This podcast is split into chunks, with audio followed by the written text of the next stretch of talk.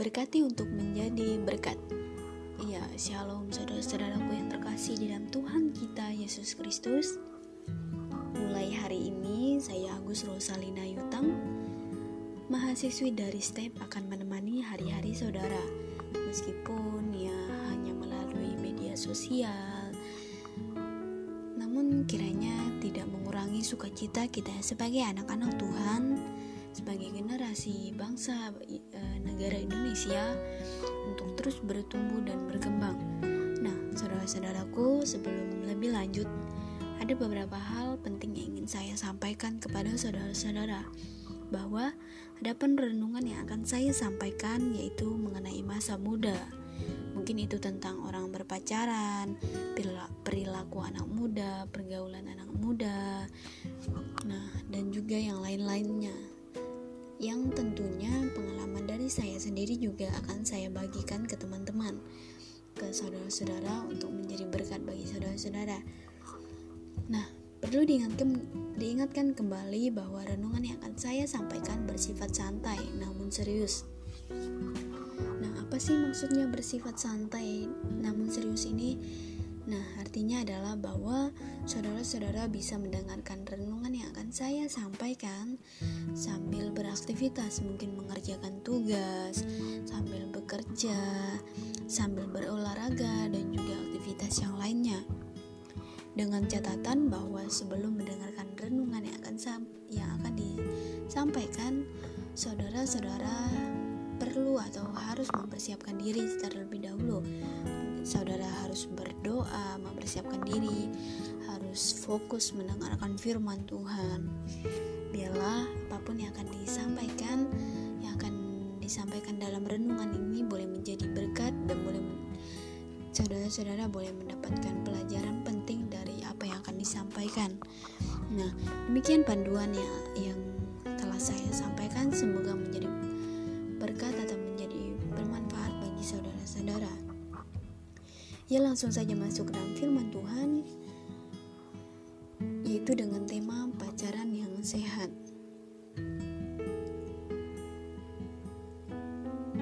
Nah, teman-teman, apa sih pacaran yang sehat itu? Bagaimana seharusnya kita sebagai anak-anak Tuhan, sebagai orang-orang yang percaya menjalin sebuah hubungan ya, atau pacaran yang sehat? Nah, dapat kita lihat dari dari segala kejadian dalam kehidupan ini jatuh cinta mungkin merupakan hal yang paling indah atau menyenangkan. Bila misalnya seseorang sedang jatuh cinta ia akan merasa seperti sedang berjalan di atas awan. Ia mungkin melihat semuanya menjadi seperti indah, lebih menyenangkan, segala hal yang dilakukannya dalam kehidupannya lebih mudah, dan bahkan seakan-akan segala hal yang ditanggungnya dapat ia lalui dengan baik, atau, uh, atau dapat dikatakan dengan bahasa misalnya uh, dunia seperti milik berdua, gitu ya. Nah, Berbeda dengan halnya pacaran, pacaran merupakan tahap selanjutnya atau mungkin salah satu tindakan lah atau tindak lanjut atau wujud nyata dari sebuah perasaan yang dinamakan jatuh cinta. Banyak cerita indah yang bisa kita dengar atau bisa kita baca atau bisa kita tonton. Mungkin itu lewat film, lewat majalah, lewat novel yang pada dasarnya dapat kita terima dalam kehidupan kenyataannya. Nah, tetapi kenyataannya dalam kehidupan kita, misalnya dalam kita menjalin sebuah hubungan berpacaran, sering kali yang kita dapati adalah uh, hubungan kita tidak selalu indah atau manis. Mungkin yang yang lebih banyak yang akan kita alami adalah masa-masa sulit karena mungkin rasa cemburu yang berlebihan kita sering kali tidak menghubungi kita atau masih banyak masalah yang lainnya. Nah, dalam film-film sering kita lihat bahwa cinta mampu mengalahkan segalanya. Cinta akan selalu menang. Di dalam setiap keadaan pun, jika kita lihat dalam film, itu dapat dilewati oleh pasangan tersebut dengan baik. Tapi apakah benar demikian dalam kehidupan nyata kita? Berikut ada beberapa hal yang akan membawa kita lebih dalam atau lebih serius berpikir tentang pacaran, khususnya bila kita hubungkan dengan iman Kristiani kita sebagai anak-anak Tuhan. Karena kita tahu bahwa Tuhan menciptakan laki-laki dan perempuan dengan tujuan-tujuan yang mulia dan sempurna. Namun pada kenyataannya banyak anak-anak Tuhan yang sering kali jatuh imannya karena masalah pacaran ini dan yang lebih menyedihkannya lagi, mereka menjadi batu sandungan bagi orang-orang di sekitarnya. Seperti yang kita ketahui bahwa ada banyak uh, anak muda, bukan hanya anak muda remaja, anak muda, anak remaja saja, tetapi juga ada orang dewasa yang menganggap pacaran hanya sekedar untuk mengisi luang waktu atau waktu luang tanpa alasan dan pengertian yang benar tentang pacaran itu sendiri. Seperti yang dikatakan oleh pendeta Gilbert dalam khotbahnya yang mengatakan bahwa sesungguhnya berpacaran adalah satu persiapan menuju pernikahan. Jadi orang yang berpacaran artinya orang tersebut sedang mempersiapkan rumah tangganya dan masa depan orang tersebut adalah masa depan yang penuh dengan step by step yang digunakan untuk mempersiapkan masa depan mereka agar lebih baik lagi ke depannya. Lalu apa yang Tuhan harapkan dari kita sebagai anak-anak Tuhan atau dari sebagai anak-anak Tuhan dalam berpacaran? Pacaran seperti apa yang Tuhan inginkan agar kita sebagai anak-anak menjadi berkat bagi orang lain, seperti apa hubungan pacaran yang indah di mata Tuhan? Inti atau maksud dari pacaran yang sesungguhnya? Dan masih banyak lagi pertanyaan-pertanyaan yang muncul dalam kehidupan kita tentang atau mengenai pacaran. Yang pasti jatuh cinta adalah normal dan pacaran tidaklah dosa. Nah, teman-teman, saudara-saudariku, ada beberapa hal yang hal penting yang perlu kita perhatikan dalam menjalin sebuah hubungan atau pacaran yang sehat. Dan ada beberapa pertanyaan yang perlu dijawab dalam kehidupan ini mengenai pacaran yaitu yang pertama adalah mengapa berpacaran. Nah, berpacaran sering kali bila kita lihat dari seseorang yang sedang jatuh cinta maka orang itu akan berkata, "Wah, dia begitu menarik."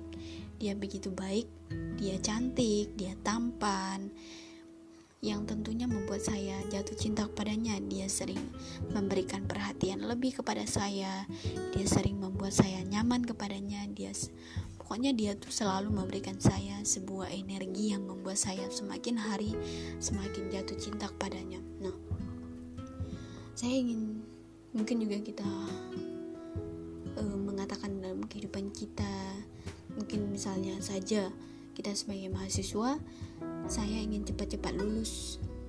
Lulus dari kehidupan ah saya ingin cepat-cepat lulus dari kuliah dan segera menikah dengannya.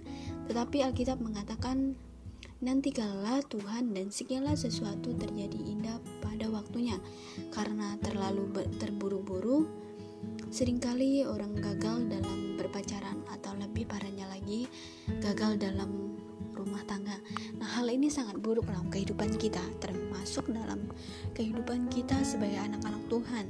Dan mengapa saya katakan buruk karena uh, kita belum mengenal sepenuhnya pribadi pasangan kita. Kita sudah langsung mau menikah dengan dia. Nah, bila kita baca di dalam Alkitab dari kitab Kejadian hingga Wahyu, mungkin kita tidak bisa menemukan kata kata berpacaran atau pacaran. Pacaran tidak pernah karena pacaran tidak pernah tercantum dalam Alkitab. Lalu apakah pacaran Alkitabiah? Nah, teman-teman, kita perlu perhatikan bahwa dalam kitab atau Injil Matius pasalnya yang pertama, kita bisa baca kisah antara Maria dan Yusuf yang telah bertunangan. Alkitab menuliskan pertunangan? Dalam hal ini, Alkitab ingin menekankan satu hal bahwa hubungan tersebut sangatlah serius. mereka sedang mempersiapkan diri menuju pernikahan. Jadi sesungguhnya bisa saja kita berkata bahwa pacaran itu tidak perlu. Kita tidak bisa berkata bahwa tunangan lebih serius sedangkan pacaran tidak serius. Bila begitu perbedaan, maka anak-anak Tuhan bisa menjadi batu sandungan bagi orang lain. Karena mereka pacaran putus ganti pacar. Mereka dalam arti mereka menyakiti pasangan mereka. Mereka putus gonta ganti pacaran. Gonta ganti pacar maksudnya. Sehingga tidak bisa menjadi berkat atau saksi dalam kehidupannya.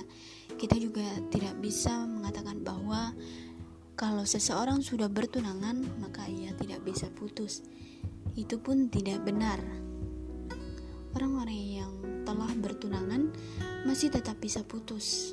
Jadi bisa kita lihat batas yang sangat-sangat tipis antara pacaran dan tunangan.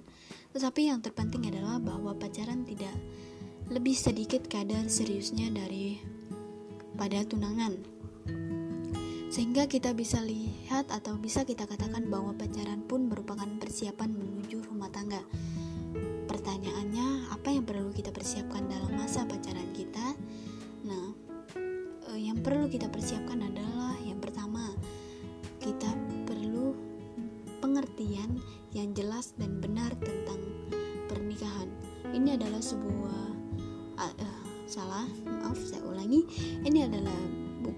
sekedar kesenangan tubuh, kepuasan seksual, tapi ini merupakan rencana Tuhan. Kejadian pasal 2 ayat 18 mengingatkan kepada kita bahwa manusia tidak bisa hidup sendiri atau hidup seorang diri. Nah, ini sangat penting dalam kehidupan kita, menunjukkan bahwa kita adalah makhluk sosial yang membutuhkan orang lain di dalam kehidupan kita. Nah, dan yang kedua adalah kita harus mengenal pasangan kita. Kitalah yang akan hidup seumur hidup dengan pasangan kita seperti yang dikatakan Matius pasal 19 ayat yang ke-6 mengatakan bahwa apa yang telah dipersatukan Allah tidak boleh dipisahkan oleh manusia. Nah, hal ini dapat kita lihat dalam kehidupan kita. Misalnya seseorang sedang berpacaran, maka ia tidak boleh misalnya saja sedang berpacaran, karena sekali lagi saya tegaskan bahwa pacaran merupakan uh, persiapan menuju pernikahan. Jadi kita harus serius dalam menjalankan sebuah hubungan. Kita harus serius dalam berpacaran. Jangan sampai setelah kita menikah, kita baru menyesal. Kita berkata dalam hati kita, aduh mengapa dulu saya menikah dengan orang ini atau lebih anehnya lagi kita sampai berpikir bahwa kalau saya tahu dia seperti ini saya pasti tidak akan mau menikah dengan dia. Nah, saudara-saudaraku, kalau kita tidak mau hal ini terjadi dalam kehidupan kita, maka selama berpacaran, inilah yang harus kita kenal baik-baik seperti apa pasangan kita. Bahkan kita harus mengenal baik buruknya pasangan kita. Kita mengenal sisi sifat pribadinya baik yang positif maupun negatifnya. Nah, yang perlu kita perhatikan yang poin yang kedua adalah bahwa kita harus bertanggung jawab dan dewasa dalam menjalankan sebuah hubungan seperti yang dikatakan di dalam kejadian pasal 24 ayat 1 hingga yang ke uh, ayat 1 dan yang keempat yang mengatakan kepada kita bahwa adapun Abraham telah tua dan lanjut umurnya. Ayat yang keempat, tetapi engkau harus pergi ke negeriku dan mengambil seorang istri untuk anakmu Ishak. Dikatakan di sana bahwa Abraham telah tua. Bisa kita bayangkan bahwa Ishak telah dewasa di sini. Nah, apa itu dewasa? Banyak anak-anak remaja saat ini yang mungkin mengatakan di dalam kehidupannya mungkin ia mengatakan bahwa saya sudah berumur 17 tahun, maka saya sudah dewasa, saya boleh pacaran. Nah, pendeta Gilbert pernah mengatakan bahwa dewasa tidak ditentukan umurnya. Jadi dapat dikatakan bahwa dewasa di sini adalah seseorang yang bisa membedakan mana yang benar dan juga yang salah dan juga dewasa dapat dikatakan bahwa ia bertanggung jawab dalam kehidupannya apa yang telah ia katakan apa yang sudah ia perbuat dalam kehidupannya ia bertanggung jawab dia berani melewati semuanya dengan penuh tanggung jawab nah yang ketiga yang perlu kita perhatikan adalah prinsip-prinsip pacaran dalam menentukan teman hidup kita kita harus bekerja sama dengan Allah.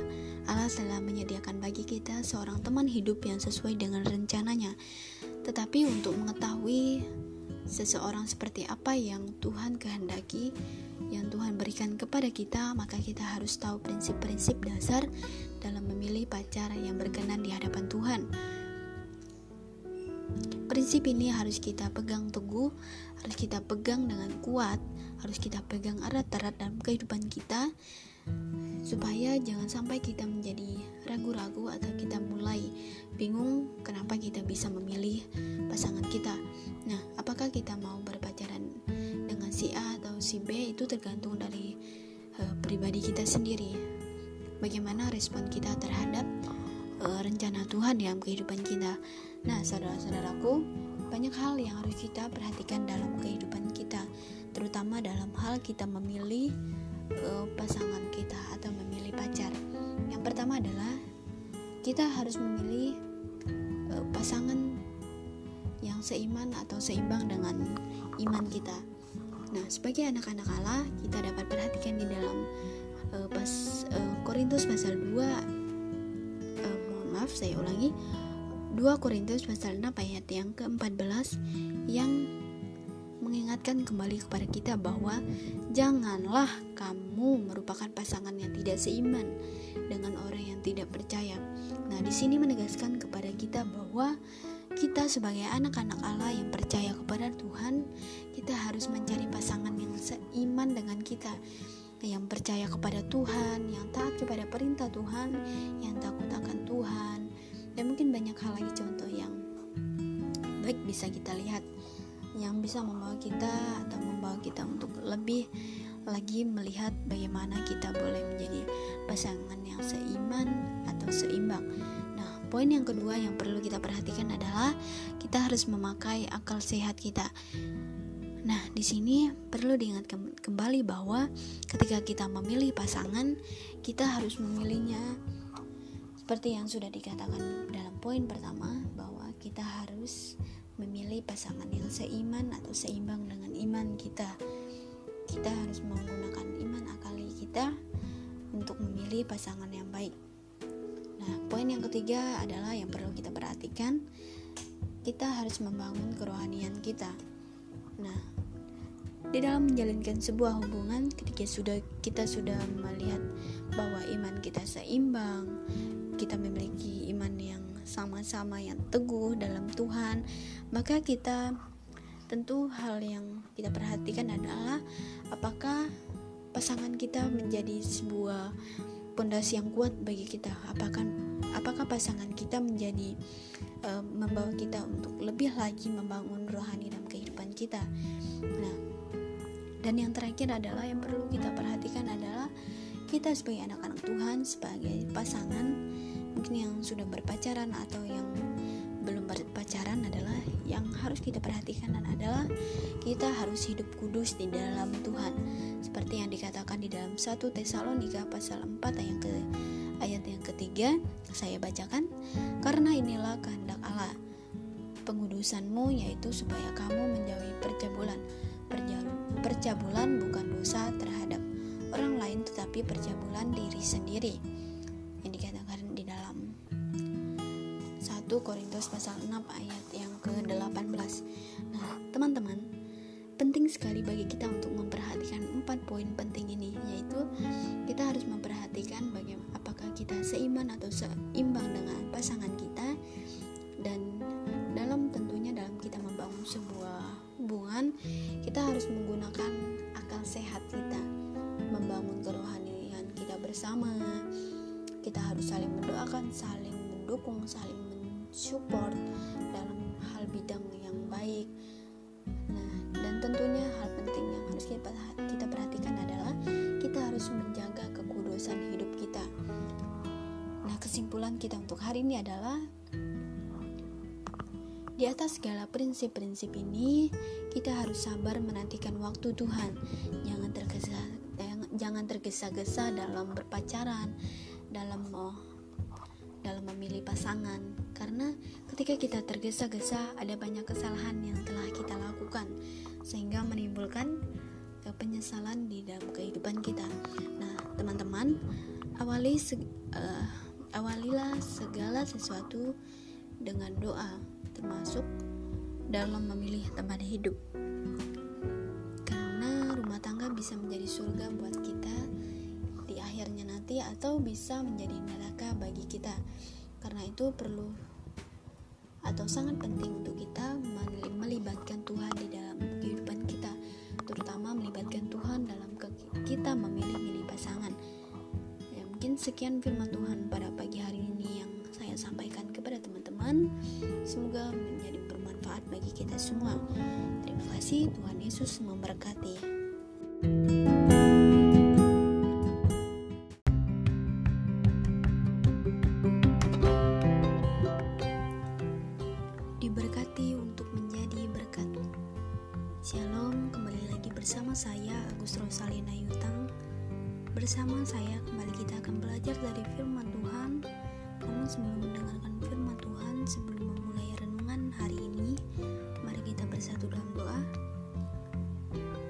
Selamat malam Bapa, kami mengucap syukur untuk penyertaan Tuhan di sepanjang hari ini.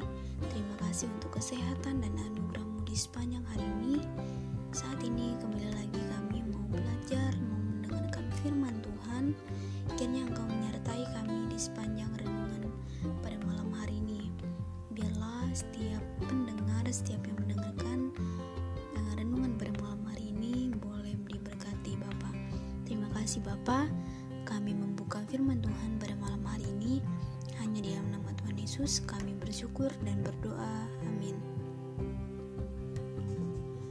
Ya, saudara-saudara, tema renungan kita hari ini adalah single bukan berarti tidak laku. Sekali lagi, single bukan berarti tidak laku. Nah, Saudara-saudara, beberapa hari yang lalu saya sudah membawa satu tema renungan yaitu pacaran yang sehat yang membahas tentang mengapa berpacaran mengenai tanggung jawab dan kedewasaan seseorang dalam berpacaran dan yang terakhir mengenai tentang prinsip-prinsip pacaran. Nah, pada malam hari ini kita akan tema yang sudah saya sampaikan, bersama-sama kita akan membuka terlebih dahulu Alkitab kita yang terdapat dalam Kejadian pasal 2 ayat yang ke-18. Sekali lagi, Kejadian 2 ayat yang ke-18. Firman Tuhan. Tuhan Allah berfirman, "Tidak baik kalau manusia itu seorang diri saja. Aku akan menjadikan penolong baginya yang sepadan dengan dia." Sekali lagi, Tuhan Allah berfirman, "Tidak baik kalau manusia itu seorang diri saja. Aku akan menjadikan penolong baginya yang sepadan dengan dia." Nah, saudara-saudara, istilah jomblo mungkin sudah sangat familiar di telinga kaum milenial saat ini. Sekarang ini, istilah jomblo menggambarkan keadaan seseorang yang masih sendiri dan belum mempunyai pasangan hidup. Namun bukan karena tidak laku,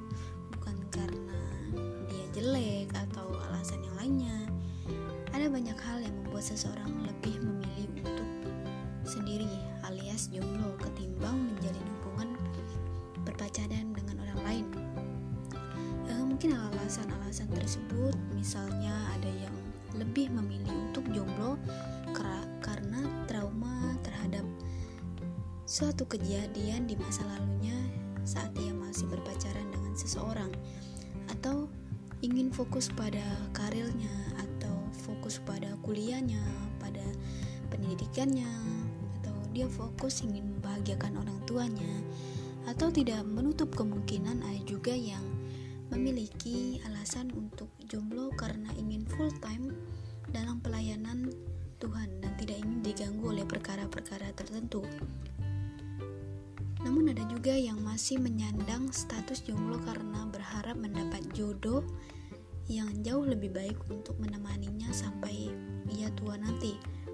Kita tentu pernah mendengar eh, bahwa ada yang berkata, "I'm single, I'm very happy." Nah, mohon maaf, saya ulangi, "I'm single and very happy." Mungkin seperti inilah prinsip hidup yang menganut yang dianut oleh para jomblo dalam menghadapi masa kesendiriannya. Namun tidak menutup kemungkinan ketika seseorang berstatus jomblo kerap sekali mendapat bulian dari teman-temannya. Mungkin uh, ada teman-temannya yang berkata atau bertanya, "Kok kamu masih jomblo sih?" Atau "Kapan kapan sih kamu punya pacar?" Cie yang belum laku atau ada yang bilang cie yang kesepian atau yang lebih menjadikannya lagi pas malam minggu sekelas atau teman kuliah teman sekampus ngajak jalan malam minggu. Nah tapi pas udah sampai di luar dia malah justru membawa pacarnya. Terpaksa deh si single atau si jomblo menjadi obat nyamuk. Dalam hati sih mungkin si jomblo atau si single es tahe nyesel kali lah aku keluar malam minggu. Sedih ya teman-teman kalau tapi um, perlu diperhatikan bahwa kita tidak perlu khawatir tidak perlu sedih tidak perlu uh, merasa dibully tidak perlu merasa dikasihani karena firman Tuhan sudah mengingatkan kepada kita seperti yang sudah kita bacakan yang dalam kejadian pasal 2 ayat 18 bahwa Tuhan Allah akan memberikan kita penolong yang sepadan. Maka dari itu kita tidak perlu tergesa-gesa karena Tuhan sendiri yang sudah berfirman, Tuhan sudah berkata kepada kita bahwa Ia akan memberikan bagi kita seorang penolong yang sepadan lagi. Enak banget kan ya? Jadi saudara-saudara, saya uh, ingatkan kembali bahwa kita tidak perlu tergesa-gesa memilih pasangan, tidak perlu tergesa-gesa untuk pacaran jadi saudara-saudara saya punya satu tips atau satu cara yang nggak uh, tahu tips ini udah ada yang tahu apa belum. Kalau ada yang hina kamu karena kamu jomblo atau single kamu nggak usah khawatir kamu nggak usah balas dengan ejekan kamu nggak usah emosi kamu nggak usah terbawa dengan suasana. Kamu cukup santai jawab dengan santai kalau kamu tuh udah punya pacar kamu nggak sendiri kamu udah punya pasangan orangnya yang romantis orangnya gagah atau cantik atau tampan baik perhatian romantis. Setia ke mana pun kamu pergi dia selalu ikut. Tidur pun kamu ditemani atau ke mana pun kamu pergi apa pun yang kamu lakukan semua aktivitas kamu dia selalu ada. Kalau ada yang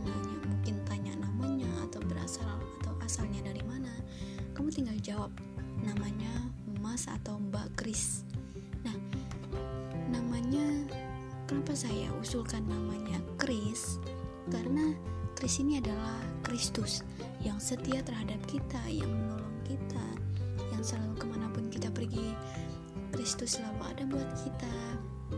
Segala yang kita lakukan yang selalu ada bersama kita. Ia boleh memampukan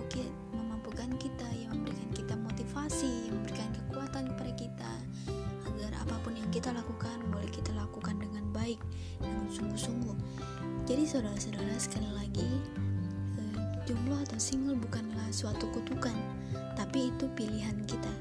Kita yang memilih untuk sendiri atau untuk berpacaran. Kita sendiri yang menentukan. Mungkin kita untuk sendiri untuk sementara waktu. Mungkin karena alasan-alasan yang sudah saya katakan yang di awal tadi mungkin karena trauma di hubungan yang gak sehat di masa lalu karena disakiti karena karena memang mau serius ke karir atau studi lebih baik kita jomblo tapi sekali pacaran langsung ke jenjang yang lebih serius daripada pacaran bertahun-tahun udah capek-capek berjuang udah merasakan suka dukanya tapi ujung-ujungnya putus ujung-ujungnya berpisah. Mungkin si pacar atau pasangan nikah dengan orang lain atau karena ada yang hubungannya nggak direstui sama orang tua dan masih banyak alasan lagi. Karena itu eh, pacaran belum tentu bahagia. Dan bisa saya pastikan bahwa orang yang jomblo atau single hidupnya pasti bahagia. Terbebas dari dosa memiliki banyak kawan memiliki banyak teman bisa memiliki pikiran yang sehat dan masih banyak lagi. Dan jadi perlu saya ingatkan tegas dalam hal ini bahwa uh, jomblo atau single bukanlah sesuatu yang menjadi beban dalam kehidupan kita. Tapi itu adalah pilihan kita bahwa apa pun yang terjadi dalam kehidupan kita itu adalah jalan Tuhan dalam kehidupan kita. Nah yang menjadi renungan kita hari ini adalah bahwa hidup itu penuh pilihan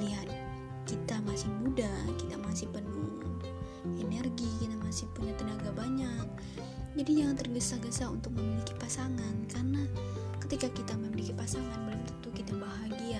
Pasti ada banyak hal-hal yang dibatasi. Mungkin uh, pasangan kita melarang kita untuk berteman dengan ini itu melakukan ini itu dan masih banyak lagi. Nah Tuhan sudah mengatur jalan kehidupan kita. Tinggal kitalah yang harus menunjukkan sikap atau respon kita terhadap rancangan Tuhan dalam kehidupan kita kita harus mengucap syukur dalam setiap keadaan kita apa pun yang terjadi dalam kehidupan kita. Mungkin kita merasa sendiri tapi ketahuilah bahwa Tuhan tidak pernah membiarkan kita sendiri. Selalu ada banyak cara Tuhan beribu-ribu cara Tuhan untuk memberikan kita uh, memberikan kita suasana yang baru memberikan kita sukacita. Apa pun keadaan kita kita bisa melewatinya dengan baik karena semua makhluk yang telah diciptakan Tuhan pasti itu berpasang-pasangan dan itu sesuai dengan kehendak Tuhan. Nah karena itu kita harus senantiasa mengucap syukur dalam setiap keadaan kita. Untuk yang jomblo atau yang single tidak perlu khawatir. Percayalah bahwa waktu Tuhan adalah waktu yang terbaik dalam kehidupan kita. Percaya nggak sih bahwa Tuhan itu ahli dalam memberikan kita kejutan? Nah jadi kita tidak perlu khawatir seturut dengan kehendak Tuhan melakukan apa yang Tuhan perintahkan dalam kehidupan kita. Mungkin kita yang tadinya fokus fokus ke pelayanan kita harus lebih semangat lagi dalam melayani Tuhan. Biarlah apa pun yang akan kita kerjakan boleh menjadi berkat bagi orang lain. Sekian firman Tuhan atau renungan kita hari ini. Semoga apa yang sudah disampaikan, apa yang sudah difirmankan, apa